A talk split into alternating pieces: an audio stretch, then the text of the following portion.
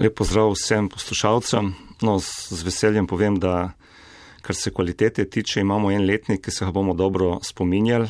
Rad bi podaril, da to niti stereotip, ko se vinogradniki hvalimo vsako leto, da je odlična kvaliteta, ampak letos je bila jesen sončna, suha in grozdje je bilo take kakovosti, da bi ga lahko kar od kraja brali tudi za zobanje, za namizno grozdje. Žal pa so bile nekoliko nižje količine približno za četrtino manj smo nabrali, ampak uh, moramo biti veseli s tem, kar je, kajti tudi po, cel, uh, po drugem delu Evrope ravno tako poročajo o 15 do 20 odstotkov nižjih pridelkih, vendar mislim, da bo vsaj vrhunskega vina bo dovolj. Vinski trg se je v Sloveniji v zadnjem desetletju morda še nekoliko več bistveno spremenil. Ne? Nekatere kleti so propadle, vedno več je manjših vinogradnikov s svojimi zgodbami. No, eno je ta slika, ki jo lahko dobimo tako, če počes gledamo medije. Dejstva so pa taka. Imamo 17 tisoč hektarov, imamo 27 tisoč vinogradnikov, se pravi, da je to zelo razdrobljeno, da je to bolj neke vrste tradicija in samo 405 posestov vinogradnikov ali firm, ki imajo več kot 5 hektarov, recimo ene 7 hektarov, računamo, da bi mohlo biti tako eno delovno mesto zelo povprečju govorjeno. Torej se zelo loči na profesionalni del, ki je zelo majhen, in pa tisti hobi program, tako rekoč. No in posledica je pač ta, da težko oblikujemo enotno slovensko vinsko zgodbo, ampak uh, dinamika je pa zelo velika.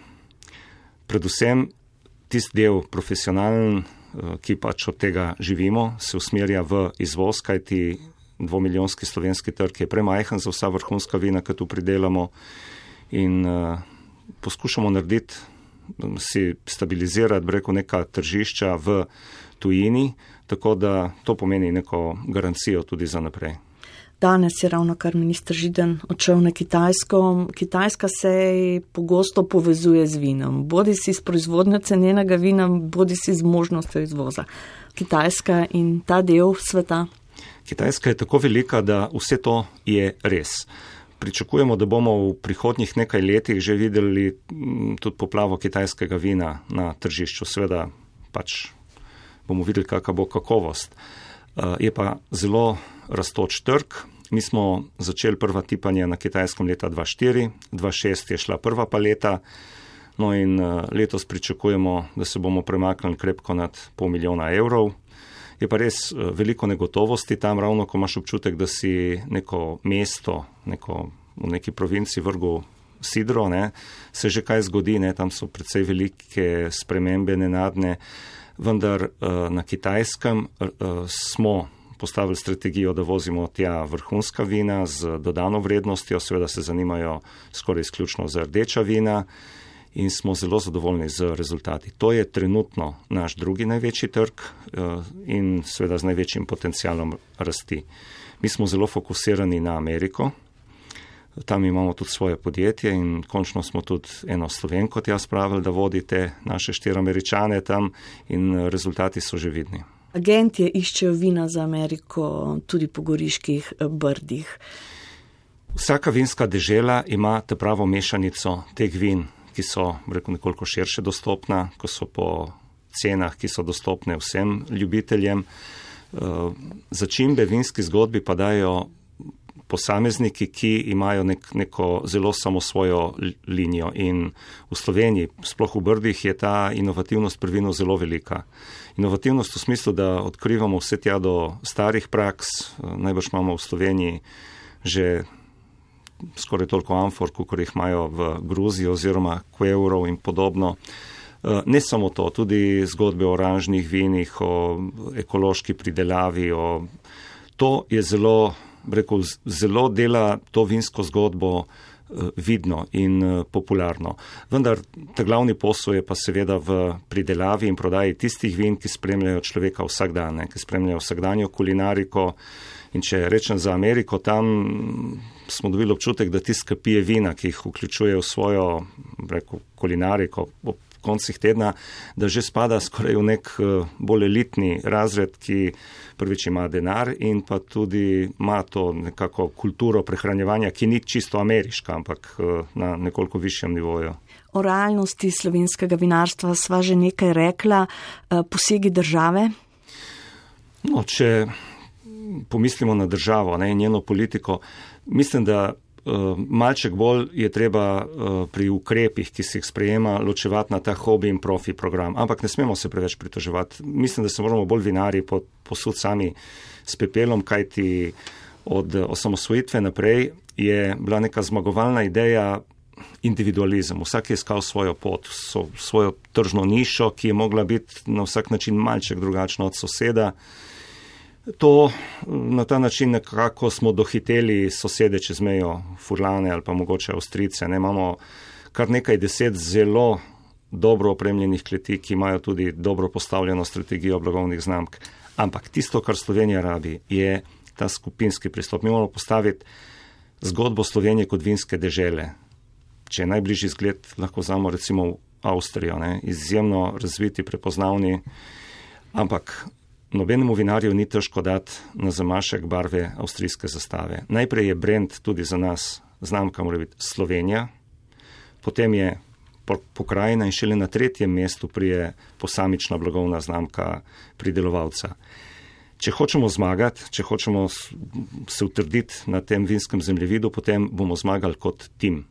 Povezava večjih, srednjih in manjših kleti, seveda v razredu, kjer je dodana vrednost kakovostna in vrhunska vina, kajti taka so. In dovolj trga je na svetu, da najdemo svoje mesto, govorimo pa o skupnih nastopih, o tej hierarhiji blagovnih znamk. Slovenija na prvem mestu. Vsi ti vinski sejmi, vse te kulinarične zgodbe, se spreminja odnos tudi do vina zaradi tega. Hrana postaja bolj cenjena, recimo ravno jutri je v Ljubljani množična prireditev, vino se seli na ulice, prispeva to k splošnemu odnosu do vina?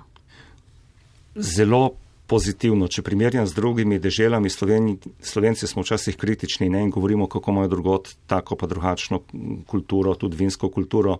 Mi že dolgo cajta trdimo, da je v Sloveniji vinska kultura v povprečju višja, kot v Italiji ali pa Avstriji. Vedno se pa primerjamo naše povprečje s tujo elito, pač vidimo te ki prihajajo k nam in se zanimajo za vina. Slovenc dobro ve, kaj je dobro vino in koliko je tudi vredno, koliko se za njega lahko da. In tako, ko se spreminja gospodarska situacija, ko preko zadnje dve leti so pozitivni trendi, tako opažamo tudi, je porast vrhunskih vin, potrošnje vrhunskih vin, v tujini pa sploh. Zato se tudi mi orientiramo na te trge, ki imajo vinsko kulturo, ki imajo tudi, rekel, poslovno kulturo, da kar prodaš, dobiš tudi, tudi plačano. In uh, to raste. Zavedanje o hrani, recimo zdaj mediteranska dieta, lahka hrana in opažamo tudi trend teh lažjih belih vin, nižji alkoholnih, ne, ne več tista barikirana 14,5-15% alkohola. To je zgolj za kakšne posebne priložnosti. Vino, ki spremlja vsakdanjo prehrano in modern način življenja. Veliko krat je nek občutek, da je vino, trdimo, nekaj tisočletna pijača. Ne? Prvo smo govorili 3, 4, 5, zdaj že govorimo 6 tisoč let, so neke raziskave. Ampak vino se je cel cajt spreminjalo. Se je spreminjal stil vina, tako kot se spreminja način življenja, tipologija prehrane, tako se vino tudi kaže v različnih obrazih. In to je tisto, kar dela ta naš vinski svet tako zanimiv. In končajva s trendom, torej kakšno vino je v trendu, rekli ste lahko. No, skoraj na jezik mi polagate, doživljamo nek revival rebule. Včasih v 70-ih letih je bila to zelo najbolj prodajeno vino na teh področjih, ne, tudi, pa tudi po celi Jugoslaviji recimo. Potem je to utonilo v pozabo, so prišli šardoneji, sivi pinoji, sovinjoni.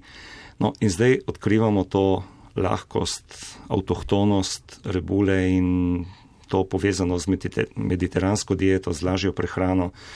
Eh, seveda vsaka zgodba ima dve plati in zdaj ne nadoma opažamo, da nam jo že skoraj italijani želijo potehniti na svoje, zdaj že govorijo, da je pač njihova ta ribola džala. Ne? In tu bo morda tudi naslednji zaplet, tako v duhu teh zgodb, kot smo jih imeli z furlanskim tokajem, pravkar se dogaja z teranom. No in uh, Briti breko na vse kriplje poskušamo nekaj narediti iz te rebule, da bo tudi na administrativnem nivoju bila ta zares ostala briška rebula in da se bo vedlo, kje je ta prava rebula.